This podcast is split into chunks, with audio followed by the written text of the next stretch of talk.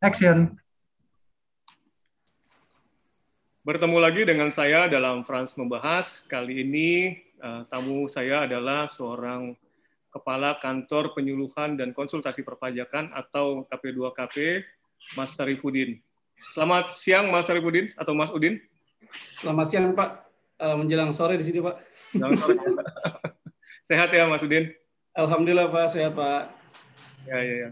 Ini kita ngobrol-ngobrol nih Mas Udin, santai aja terkait ya, dengan Pak. Uh, Mas Udin di KP 2KP 6 Lea ya? Iya Pak, 6 Lea Pak. 6 Lea itu di mana tuh Mas Udin? Mungkin banyak yang belum tahu nih jangan-jangan 6 Iya, 6 Lea itu bagian dari Provinsi Maluku Pak. Jadi salah satu kepulauan di Maluku, tepatnya di Pulau Buru Pak. Oh di Pulau Buru ya? Iya. Itu berapa lama kalau dari Ambon? Jadi sebenarnya kalau dari Ambon itu kalau hitung jarak Pak sekitar 180 kilo. Jadi kalau perjalanan dari Ambon itu bisa sebenarnya bisa ditempuh dengan ada pesawat Pak. Hmm. Pesawat uh, eh, ATR ya, baling-baling itu setengah jam dari Ambon. Cuma memang uh, nggak ada setiap hari Pak. Oh gitu. Itu minggu empat kali dan memang hanya sekali penerbangan. Penerbangan itu siang Pak. Hmm. Kalau nggak ada itu kita naik ferry Pak. Oh gitu naik ferry, nah itu Pak. Luar biasa. Naik ferry itu sekitar 8 sampai 10 jam Pak. Biasa ya. Iya dengan kondisi kapal yang nggak terlalu besar sehingga ya lewat laut lepas ya lumayan Pak. Ketar ketir juga ombaknya. Iya iya iya. Besar tantangannya ya. Iya Pak. Jadi kalau KP2KP atau kantor pelayanan penyuluhan dan konsultasi perpajakan itu tugasnya apa aja Mas Udin? Kalau bisa dijelaskan sedikit. Nah ini Pak. Jadi ini kan terkait dengan perubahan di PMK 184 Pak ya tahun 2020 ya. Itu kan menyangkut juga terkait dengan tugas tupoksinya KP2KP ada perubahan juga Pak. Jadi kalau kita bicara di PMK sebelumnya 2010 tahun 2017 itu penekanannya itu Pak ke pelayanan penyuluhan. Hmm. Penekanan di sana karena memang di tugasnya di, di awal disebutkan pelayanan penyuluhan. Nah, tapi eh, dengan adanya PMK 184 ini tugasnya fungsinya berubah Pak. Penekanannya adalah di pengumpulan, pencarian, pengolahan data perpajakan. Oh, Oke. Okay. Sampai proses penyajian Pak. Artinya mungkin ini saya, saya sih beranggapan bahwa karena semua proses uh, pelayanan di pajak dari mulai daftar, hitung, bayar, lapor sebenarnya sudah diakomodasi oleh aplikasi yang ada di eh, DJP Pak ya. Sehingga hmm. mungkin uh, diarahkan KP2KP sepertinya untuk berusaha untuk gimana menggali uh, data sehingga bisa dimanfaatkan oleh KPP Pak seperti itu Pak. Iya. Kalau melihat eh, dari daerah Namlea itu potensi perpajakannya apa aja kira-kira Mas Udin? Nah ini Pak, kalau potensi perpajakan di Namlea ini uh, ini kan uh, sangat kenal dengan ini Pak, minyak kayu putih Pak. Oh minyak kayu putih, oke. Okay. Nah ini uh, boleh dibilang kalau minyak kabutnya dari Pulau Buru itu ya cukup terkenal Pak dan juga memang kualitasnya yang bagus Pak. Cuma memang permasalahannya adalah uh, belum dikelola dengan baik Pak karena terus terang masih uh, mereka itu apa hanya kelompok masyarakat yang bikin namanya ketel Pak. Mm -hmm. namanya ketel. Jadi hanya dikelola oleh beberapa kelompok masyarakat saja sehingga uh, boleh dibilang sih potensi besar yang ada ini nggak dimanfaatkan langsung oleh mungkin pihak pemerintah daerah bagaimana cara mengelolanya dengan baik sehingga mungkin menjadi potensi yang besar bagi daerah. Hmm. Karena minyak kayu putih ini Pak nggak perlu nanam mereka Pak. Oh gitu. Tumbuh aja Pak. Banyak ya? Di sepanjang jalan itu di bukit-bukit tumbuh Pak. Hmm. sendirinya gitu Pak. Luar Jadi biasa. bahan baku menurut saya sih nggak akan habis ya. Jadi tinggal mungkin pengelolaannya yang mungkin lebih uh, ke depannya mungkin pada daerah harus lebih baik lagi. Kedua hasil lautnya Pak. Hmm. Ya, ya daerah laut kan di Maluku ya hasil laut, laut lautnya ikan tuh bagus. Dan satu lagi Pak di Pulau Buru Pak ada satu wilayah yang namanya itu Waiapo itu adalah lumbung padi nasional Pak. Oh gitu. Ya, jadi itu ketika zamannya Pak SBY maupun zaman Pak Jokowi mereka datang ke Waipo untuk uh, lakukan panen raya, Pak. Hmm. Jadi bermacam-macam ya. Ada tadi ada yang kayu putih, kemudian juga ada nelayan yang ikan dan juga ada tani ya. Iya Pak, betul Pak. Dan apa saja kira-kira tantangan yang paling berat yang dihadapi di situ? Ini Pak, kalau tantangan yang berat terus terang ya eh, terkait dengan luas wilayah Pak tentunya. Uh, karena uh, terus terang mungkin di kami uh, dengan SDM mungkin di KP2KP yang minim, minimalis lah boleh bilang. Kami lima Pak. Lima ya. Okay. Lima uh, dengan saya enam. Jadi dengan wilayah yang sampai 12.000 kilo meter persegi itu terus terang Pak tantangan baik kami nih bagaimana kami bisa memanage uh, pemetaan wilayah seperti ini Pak. Karena terus terang kan kemarin kan disampaikan oleh Pak Dirjen bahwa untuk tahun ini bagaimana mungkin eh, KPP atau KP2KP itu bisa melakukan pemetaan ya, pemetaan wilayah, Pak. Mm-hmm. Bisa mengetahui wilayah kerjanya masing-masing sampai detail, Pak. Yeah. Nah, ini memang uh, sedang kami lakukan ya, bagaimana dengan dengan kondisi yang ada, kami berusaha uh, semaksimal mungkin untuk bisa mengetahui ini, Pak, dari ujung baratnya Pulau Buru sampai ujung timurnya Pulau Buru, Pak. Iya, iya, iya Betul, alhamdulillah sih saya sudah sudah dari ujung barat ujung timur sudah sampai ini pak. Hmm. Sampai sana itu pak. Terus bagaimana tingkat kesadaran wah, penduduk di sana terhadap perpajakannya?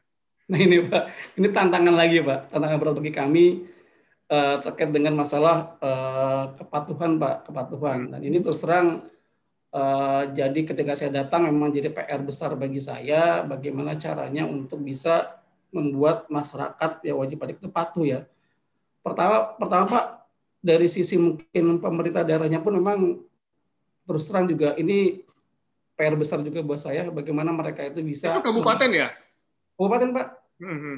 Dan ini satu tantangannya adalah ini Pak terus terang Pak ini jujur saja memang di daerah itu praktek praktek KKN masih Pak. Hmm. masih masih sangat kental sekali sehingga kadang-kadang apalagi mungkin daerah itu kan bupati boleh dibilang seperti raja pak ya. Jadi kadang-kadang juga untuk koordinasi segala macamnya memang uh, memang agak-agak agak sulit pak ya. Tapi tetap kita akan lakukan koordinasi terus dengan mereka. Dan mungkin baru-baru ini memang uh, kita coba terkait dengan uh, berkomunikasi dengan mereka itu kita coba mendekati yang di bawahnya dulu pak kepala kepala dinas pak. Hmm. kepala dinasnya kita coba dekati dan alhamdulillah uh, saya coba tawarkan ke mereka. Saya bilang seperti ini, Pak, saya bilang ini kan sebenarnya kan ada dana bagi hasil Pak ya? Iya. Dana bagi hasil ya saya bilang. Dan ini sebenarnya potensi uh, buat penerimaan mereka depan mata saya bilang. Kenapa Pak enggak ini enggak dikelola saya bilang. Terus terang kalau kami memang untuk menyentuh seluruh wajib pajak yang ada di Pulau Buru berat. Dalam pengertian apa? Karena uh, saking luasnya wilayah dan juga mereka terkotak-kotak pak. Iya. Dalam, dalam pengertian itu ada di sini ada, ada berbagai macam suku pak. Ada Bugis pak, Bugis kemudian ada Buton Sulawesi Tenggara, hmm. ada Ambonnya, ada Sunda, oh. ada Jawa pak. Campur banyak ya. Campur. Nah ini langkah yang saya lakukan sekarang adalah selain mungkin tadi berkomunikasi dengan pemerintah daerah supaya mereka gimana caranya itu karena terus terang pak di sini pemerintah daerah itu sangat ditakuti pak. Hmm. Masyarakat artinya kebijakan yang mereka ambil sebenarnya masyarakat masih nurut pak. Hmm. Nah, itu mungkin yang uh, coba coba untuk saya coba uh, lakukan pendekatan ke mereka. Kedua adalah karena di situ saya bilang tadi kelompok-kelompok masyarakat, jadi saya coba untuk mendekati uh, semacam ikatan-ikatan masyarakat pak. Ya. Jadi saya ketemu uh, beberapa ikatan masyarakat Bugis, ikatan masyarakat Buton. Nah itu saya coba komunikasi dengan mereka. Itu yang paling dominan yang mana tuh kelompok masyarakatnya? Uh, di sini Bugis dan Buton, Pak. Paling banyak ya? Oke. Okay. Ya. Dan baru aja saya komunikasi dengan mereka yang Buton, ya mereka sangat respect. Kita mungkin Sabtu ini mengadakan sosialisasi tempat mereka, Pak. Hmm, hmm, hmm. Buton dan tuh karena mereka punya tempat uh, wisata namanya Talaga Beach Pak. Jadi kita coba ambil momen kita coba nanti suasana di dekat di pinggir pantai Pak, saudara ya Pak. Ya, ya. Ganti suasana Pak seperti itu. Iya. Nah ini Mas Udin, uh, Mas Udin kan udah udah berapa tahun? Setahun lebih ya? Hmm, sembilan bulan Pak. Sembilan bulan ya. Sembilan bulan. Kesan pertama kali ketika mendapatkan penempatan di sana? Kan jauh ah. dari, dari Jakarta ya waktu itu ya terakhir ya? iya Pak di Gambir satu Pak. Ya jelas pasti ya pasti ada ada kagetnya Pak ya. Ada sedikit ya oh pertama kali saya terima info itu malah di WA, saya posisi di WFH di rumah. Eh saya cek namanya, oh namanya ini di mana sih bilang nih? namanya kamu di mana namanya? Ya udah Pak, saya searching lah. Oh, namanya di sini sini sini ada. Artinya gini Pak, mungkin ya teknologi sekarang mungkin bisa kita untuk bisa melihat kondisi-kondisi tempat lain pak ya. Nah, itu mau coba saya searching kondisi sana seperti apa dan mungkin agak sedikit lega pak ketika tahu kondisi di Namlek seperti apa. Karena memang pertama mungkin uh, mayoritas masyarakatnya keyakinan sama dengan saya. Nah seperti itu pertama. Kedua memang uh, boleh dibilang di sini itu dari sisi keamanan luar biasa pak menurut saya pak. Hmm, hmm aman banget pak. Yeah. Makanya mungkin pak itu mungkin salah satu mungkin uh, cerita saya terkait dengan penempatan pertama di Namla itu mungkin bapak mungkin pernah lihat vlog dari KPDP Namla ya pak? Belum belum belum pernah lihat ya.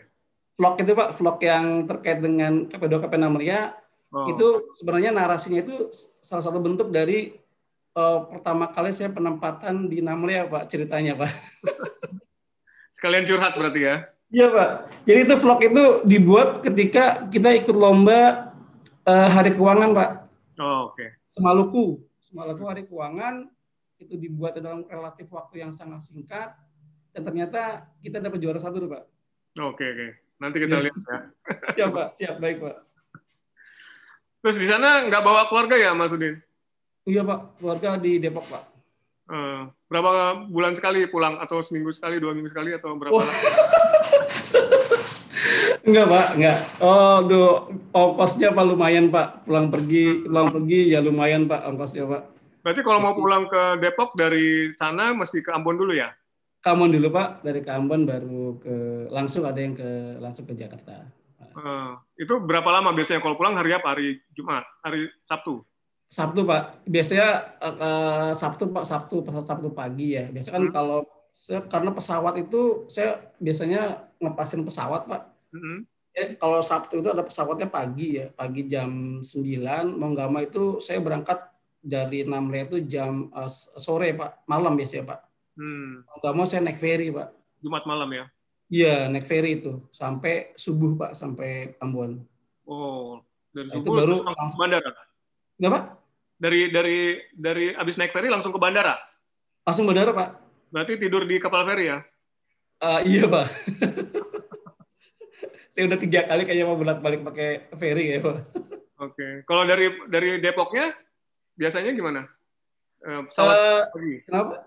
Kalau pulang ke, ke ke tempat dinasnya dari Oh iya, malam Pak. Saya ngepasin juga Pak. Jadi kalau kalau pesawat itu yang pas itu saya ambil uh, pesawat malam jam setengah dua malam Hmm. itu sampai pagi jam 7 kemudian saya bisa langsung uh, pesawat uh, langsung pesawat jam uh, 12 jam satu siang pak. Oke. Okay. jadi ya. saya tidur di di tidur di bandara itu nunggu lima jam pak wah lumayan. Bandara Ambon. Keluarga udah pernah dibawa ke sana? Oh, belum pak. Belum pak. Belum ya? Belum. Kondisi mungkin sekarang seperti ini ya mungkin uh, kayaknya stay stay di rumah dulu aja pak. Iya. yeah. Itu lima orang staffnya dari mana? Anak-anak stan apa gimana? Uh, tiga Pak, tiga itu anak D1 ya, D1 uh, stan ya ya baru bekerja sekitar 2-3 tahun Pak. Mm -hmm. Nah, yang dua memang baru masuk ke kami itu mutasi itu dari Ambon ya itu udah udah senior lah Pak yang dua itu. Terus bagaimana Mas Udin untuk apa Eh, mengelola manajemen sumber daya manusianya dengan jumlah yang cuma sedikit itu. Terus mereka buka kan juga bukan home base-nya di sana ya? Bukan Pak, bukan Pak. Jadi nasib sepenanggungan semua gitu ya? Betul, betul, betul. nah itu Pak. Gimana uh, menjaga kekompakan? Ya, siap. Jadi pertama itu ketika saya datang memang kondisi kantor yang boleh dibilang ya kekurangannya banyak Pak. Saya datang memang kondisi uh, kepala kantor itu pensiun di bulan Juni, kemudian diisi oleh PLT. Nah itu kondisi kantor ya boleh dibilang kalau menurut saya sih benar-benar berantakan sih Pak. Ya, ya. Kenapa dari sisi mungkin uh, uh, fisik kantornya, kemudian juga dari SDM-nya, kemudian juga dari semuanya Pak. Nah itu itu saya benahi mungkin satu persatu ya Pak. Pertama, saya merasa bahwa saya di sini tuh nggak sebentar. Artinya mungkin saya akan uh, lebih banyak mungkin karena mungkin saya sendiri di Namlia, saya lebih banyak pasti akan di kantor. Sehingga bagaimana cara waktu itu saya bilang, e, ini saya harus perbaiki kantor. Yeah. Saya harus membuat kantor saya nyaman. Akhirnya di awal datang, ketika saya datang melihat pagar pintu pagar kantornya sudah keropok, hancur, kalau mau ditutup harus diangkat dulu. Saya bilang, ya Allah, saya bilang ini kantor pajak kok kayak begini gitu loh. Hmm. Artinya uh, image pajaknya udah hilang tuh Pak. Gitu ya. Jadi kesannya itu ini orang pajak kok kantornya begini gitu loh Pak. Hmm. Kesan pertama itu seperti itu. Akhirnya waktu itu ya kemudian juga depan kantor itu nggak ada kanopi sehingga kalau ada parkir motor WP hujan-hujan, hujanan, panas-kepanasan, nah akhirnya waktu itu melihat dana, dana ternyata sudah kepake tapi nggak ngerti kepakainya buat apa tapi udah tinggal dikit nah akhirnya saya telepon ke Ambon setelah itu ada nggak dana nih? Saya bilang nggak kepake di Ambon. Hmm. sewa pakai nih buat ini ini ini. Ada pak. Jumlahnya sekian. Oh pas benar nih. Saya hitungan saya segini sekian nih. Pas bilang sekitar 40 juta waktu itu. Bisa saya pakai nggak? Bisa pak. Harus saya pakai tuh pak. Jadi saya datang itu langsung saya ganti. iya pak. Pagarnya saya ganti stainless semua, kemudian kanopi saya pasang tuh Pak. Itu awal-awal saya datang, kemudian juga dari sisi SDM Pak, terus terang saya datang pun dihadapi tantangan saya harus memberikan eksekusi hukuman disiplin berat kepada salah satu pegawai. Itu yang luar biasa bagi saya sih Pak. Ya, ya. Jadi saya baru datang, saya nggak tahu permasalahannya, tapi eksekusinya di saya Pak. Hmm. itu bilang, waduh saya bilang, lumayan tantangannya saya bilang ini. Luar biasa. Luar biasa Pak waktu itu Pak. Jadi memang ya itu kalau mau saya cerita banyak Pak. Kalau kalau cerita mungkin panjang kali bisa berjam-jam karena memang kondisi yang di sini memang waktu saya datang memang benar-benar saya benahi satu persatu Pak. Ya, ya. Gitu, Pak. Uh. Kalau ini Mas Udin uh, dari sisi ketemu WP atau sosialisasi pengalaman yang paling mengesankan apa tuh yang sudah pernah di, uh, di, dialami? Nah ini Pak ada kejadian memang yang yang menurut saya suaranya agak kecil ya Mas Udin bisa ini nggak? Ya halo Pak gimana Pak? Suaranya masih agak kecil. Oke sekarang kedengeran Pak? Mana ya. Oke ya. baik. Jadi kejadiannya sebenarnya eh, kejadian yang mungkin saya juga baru ngalami Pak, ngalami selama mungkin saya sosialisasi di beberapa di kementerian sosial ya. ya sebenarnya kan di Gambir satu di beberapa kementerian. Nah, ketika saya sosialisasi di eh, pemerintah daerah Pak di daerah eh, Namrole Buru Selatan itu apa ya? Lucu juga Pak. Pertama ketika saya ke sana mau bikin sosialisasi untuk untuk untuk SPT tahunan eh, terkait dengan ruangan Pak, gedung. Yeah. Gedung, uh, oke okay lah. Waktu itu kan kita bikin acaranya, kemudian konsumsi dari kita semua ya. Semua kita yang nanggung semua. Karena mereka bilang kami nggak punya dana. Oke siap. Nggak masalah. Dan kita saya kami punya dana kami belikan semua pak tuh pak snack ya. makan segala macamnya ya. gedungnya pakai mana pak ya, ibu waktu ada ibu ibu ibu kepala BPKD-nya pakai gedung ini pak gedung aula oke siap saya bilang pakailah pakai gedung aula nah lucunya gini pak ketika saya selesai kami selesai acara kok di depan pintu ditungguin Pak tiga orang. Ini mau ngapain saya bilang nih ditungguin nih. Ternyata Pak saya dimintain dana sewa gedung Pak.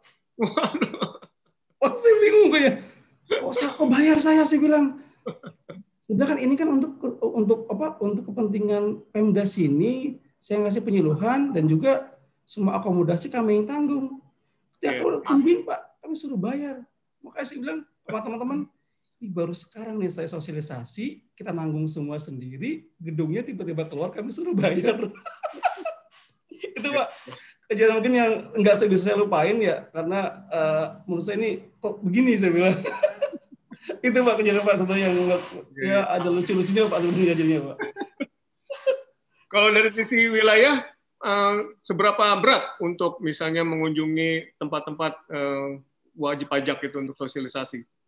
Berat Pak. Uh, dalam arti gini Pak. Jadi kalau di uh, kita dua kabupaten, kalau Buru itu uh, dia ada 10 kecamatan dengan 82 desa, kemudian Buru Selatan itu dengan 6 kecamatan dan 79 desa. Hmm. Nah ini Pak, kalau kita ke Buru Selatan itu terus terang medannya berat karena hmm. kita harus melewati gunung perbukitan dan kalau mungkin uh, puncak nggak ada apa-apanya Pak. Hmm itu ekstrim banget jalannya Pak. Jalan juga mungkin cuma bisa satu mobil tapi uh, udah cukup bagus jalannya tapi memang kecil banget. Kanan kirinya jurang Pak. Oh, aduh. Kanan kirinya jurang. Dan jasa satu lagi uh, pengalaman kami Pak, terus terang kami punya mobil dinas Pak, beneran dinas, cuma memang usianya sudah lebih dari 10 tahun Pak, dari hmm. tahun 2009. Pernah kita paksakan menggunakan mobil dinas Pak. Hmm. Nggak sampai Pak, nggak sampai ke sana Pak baru oh. sampai setengah jalan mogok mobil kami tengah jalan ngebul pak. Kuras oh. pak depannya pak. Panas pak. Akhirnya kita balik kembali ke balik kembali akhirnya kita sewa mobil pak. Kita nggak pulang tapi ada satu tempat di sana ada persewaan mobil kita mobil ketitipkan kita pakai sewa mobil kita berangkat gitu pak. Mm-hmm. itu medannya medannya cukup berat jadi emang salah satu kendaraan mobil mungkin jadi kendala karena sebagian besar kalau untuk arah uh, 6 roll itu pakai double garden pak pakai ke sana karena memang uh, dokternya sangat berat. Nah kemudian kalau di sini pak kendalanya uh, alamat WP itu nggak ada nomor pak. Oh itu, jadi susah nyarinya. ya? Jalan jalan ini, jalan ini pusing pak nyarinya pak. Uh, kalaupun kita mau kirim surat pakai pakai pos pak, di sini ada pos pak, itu sayang sayang pak uangnya karena nggak akan sampai juga. Hmm. Jadi caranya adalah tadi pak saya coba untuk masuk ke beberapa ikatan keluarga karena mungkin di situ uh, saya kenal, coba ya? iya pasti mereka pasti kenal hmm. sehingga mungkin saya kita nggak perlu mengeluarkan effort besar untuk misalnya biaya ataupun mungkin ada kurir yang nganter melalui mereka seperti udah langsung bisa pak hmm. seperti itu pak kondisi pak dan juga terus terang mungkin keluhan dari beberapa KP2 KP pak uh, sarana prasarana di KP2 KP memang sangat minim pak hmm. minim ya kalau sekarang sekarang saya di sini itu PC itu hanya ada di TPT-nya. Sedangkan teman-teman tuh yang di luar itu mereka nggak punya PC. Hmm. Nah itu mungkin uh, kondisi di beberapa KP2KP kan karena kami juga punya ada grup Pak KP2KP Nusantara. Nah, itu keluhan dari mereka itu hampir sama Pak. Hmm. Ada ini nggak Mas Udin terakhir nih? Eh suaranya masih agak kecil ya tadi coba. Oke Pak, siapa? Okay. Gimana Pak? Nah, terakhir Mas Udin, ada nggak semacam uh, apa ya sharing untuk berbagi spirit nih buat teman-teman di KP2KP seluruh Indonesia? Kira-kira gimana ininya Mas Udin sharingnya supaya mereka juga tetap semangat seperti Mas Udin dan juga uh, apa namanya terus menghadapi tantangan dengan penuh semangat. Iya Pak. Ini gini Pak, kalau saya sendiri pribadi Pak, uh, saya sudah diberikan banyak oleh negara Pak pertama saya kuliah di STAN, ya saya gratis pak di sana. Kemudian ketika saya bekerja pun, misalnya banyak mungkin uh, pelatihan-pelatihan, ilmu-ilmu yang saya dapatkan di sana. Dan terus terang ketika mungkin saya pun penempatan apa untuk promosi ini, memang saya sudah komitmen dengan keluarga pak. Pertama komitmen dengan keluarga ya. Uh, ketika dipanggil untuk ujian talent, ya saya ngomong sama keluarga gimana? Saya saya mau ikut uh, ayam ikut ujian talent. Kira-kira bagaimana nih? Maju aja ya silakan maju aja. Udah dari situ pak saya udah komitmen bahwa uh, di mana pun mungkin saya ditempatkan mungkin ya itu udah komitmen saya dengan keluarga saya. Itu pertama pak saya keluarga saya sama ibu saya yang penting tuh itu komitmen yang saya pegang. Ketika mereka sudah mengizinkan saya berangkat. Artinya uh, di sini pun mungkin ya ketika saya di sini karena mereka sudah mengikhlaskan saya untuk bertugas di sini ya saya maksimal Pak uh, semaksimal mungkin untuk istilahnya uh, memberikan yang ya terbaik yang bisa saya berikan. Nah saya punya prinsip gini Pak, saya mungkin pengen nanti ketika mungkin saya mungkin setelah tugas di sini saya mau memberikan sesuatu kepada tempat tempat kerja saya di sini. Pertama saya bilang ke teman-teman, eh, saya akan membuat nyaman mereka apalagi seperti uh, tadi bilang Pak ini kebanyakan juga yang muda-muda dari tempat apa dari daerah uh, bukan dari asli sini Pak ya. Saya bilang akan saya akan berikan tempat nyaman bagi mereka. Ya, akan saya akan berikan kenyamanan bagi mereka, tempatnya, tempat kerja yang nyaman bagi mereka, kemudian juga kondisi mungkin di kantor yang nyaman bagi mereka sehingga mungkin uh, kerja kita pun akan enak pak. Itu. Dan bagi saya pun sama pak. Artinya uh, karena saya jauh saya pengen membuat diri saya nyaman di sini pertama kalau nggak nyaman mungkin saya nggak akan bisa kerja gitu pak. Saya buat nyaman diri saya dulu nyaman diri dari si tempat segala macamnya sehingga saya ingin berbuat sesuatu di sini. Dan terus terang pak ketika ketika saya melihat kondisi di sini sebenarnya uh, banyak pak banyak yang mungkin akan mungkin akan saya lakukan ya pak untuk untuk yang di sini pak. Banyak sebenarnya dalam pikiran saya. Makanya kadang-kadang teman-teman bingung juga nih uh, pasti tiap minggu itu ada yang selalu saya lakukan pak hmm. ada perubahan yang saya lakukan nah itu kadang-kadang senin udah ada apa kok ada ini pak ya kemarin satu minggu saya kerjain terus ini nah gitu pak artinya yeah. uh, intinya intinya pak intinya saya ingin memberikan sesuatu di sini selama di sini dan juga uh, ingin memberikan kesan bahwa ketika mungkin nanti suatu mungkin saya mungkin pindah dari sini, saya sudah memberikan sesuatu yang bisa dimanfaatkan untuk orang-orang setelah saya, Pak. Seperti itu. Itu Pak dari saya, Pak. Wah, luar biasa nih Mas Udin. Mudah-mudahan banyak yang uh, apa menjadi semangat juga melihat semangatnya Mas Udin dan ya, juga Pak. memberikan apa macam rasa tanggung jawab yang juga besar dan juga memberikan uh, spirit yang sama untuk semua kepala KP 2KP seluruh Indonesia nih Mas Udin. Ya Pak, baik Pak. Banyak ya. Ini luar biasa nih kesempatan yang luar biasa buat saya dan juga nanti buat yang nonton. Dan nanti mungkin saya minjem foto atau videonya ya Mas Udin untuk nanti kita tayangkan juga sebagai gambaran seperti apa pekerjaan Mas Udin. Mungkin ada yang vlognya tadi itu tuh. Baik Pak, saya saya juga ini suatu kemarin saya bilang ke teman-teman nih uh, ini uh, satu momen yang luar biasa nih uh, bagi saya, saya bilang kemarin ke teman-teman, saya diminta oleh salah satu mungkin pejabat tinggi di kementerian dari JP, saya bilang ini kesempatan langka bagi saya, saya bilang nih eh, teman-teman juga nih sebelum mudah-mudahan saya bilang ketika mungkin saya mungkin berinteraksi atau ber, uh, uh, dengan uh, peran seperti ini, saya bisa memberikan sesuatu lah memberikan informasi bagaimana itu bagaimana sih KP2 KP6 itu Pak seperti itu Pak. Ya, ya, ya. Jadi sekali lagi saya terima kasih ya, banyak sama -sama, Pak kesempatan seperti Sampai ketemu lagi ya. Terima kasih ya. Siap, baik, Pak. Lalu dan salam buat teman-teman yang dari situ. Siap, Pak. Terima kasih banyak, Pak. Terima kasih banyak. Oke, okay, cut. Oke, okay, thank you Mas Udin. Nanti ya, aku tolong dikirimin ya filenya yang vlognya itu nanti kita coba tayangkan juga mungkin beberapa detik untuk pas Mas Udin sosialisasi, pas yang vlognya. Jadi baik Pak, baik. Juga ada gambaran ini juga bagus nih menyambut hari hari pajak kan ya. Jadi ya, Pak. ada ada momentumnya juga. Iya. Ya. Terus kalau dari teman-temannya Mas Udin, kira-kira ada lagi nggak yang kira-kira uh, ininya sama, visinya sama dengan Mas Udin, terus tempatnya sangat jauh gitu. Kalau misalnya kita mau wawancara lagi, kira-kira ada nggak? Uh, tempat yang jauh. Yang di ini Pulau Buru tuh yang tempat itu ya, tempat dulu Napol, Pak. Itu ya? Iya, iya, betul Pak. Napol pak. Tapi terus pak udah udah nggak kelihatan lagi uh, Napolnya pak. Jadi uh, itu pak Napolnya itu tempatnya itu pak sekarang itu yang jadi lumbung padi nasional pak. Oh gitu ya. Napol di sana pak. Luar biasa. Ya nanti kalau ada yang teman-teman kira-kira mungkin sekali lagi kita mau cambil di Indonesia bagian barat tapi yang di ujung di uh, ada satu pak di Sorong pak. Sorong ya. Sorong, Papua. Itu teman saya, sama-sama kemarin di Gambir satu. Tapi kalau Sorong kan di kotanya dia. Enggak? Enggak, di bukan di Sorongnya, Pak. Di KP2KP-nya, Pak. KP2KP apa nama? Iya, Tembina apa ya, Tem, Temi, Temi, Pak. Tembina Wuhan apa? Namanya saya juga agak-agak ini. Oh, perbatasan tuh ya? Iya, iya, iya, iya. Juga tuh nanti. Tolong dicatat ya, Van. Nanti biar kita kontak lagi. Siapa? Oke, makasih banyak ya Mas Udin. Siapa? Betul, Mungkin nanti saya coba japri Bapak minta alamat Bapak, saya mengirim sesuatu, Pak. Apa tuh? Apa tuh? Minyak kayu putih, Pak. Minyak kayu putih. Kamu nebang sendiri, jangan-jangan. Ya? nebang sendiri pohonnya.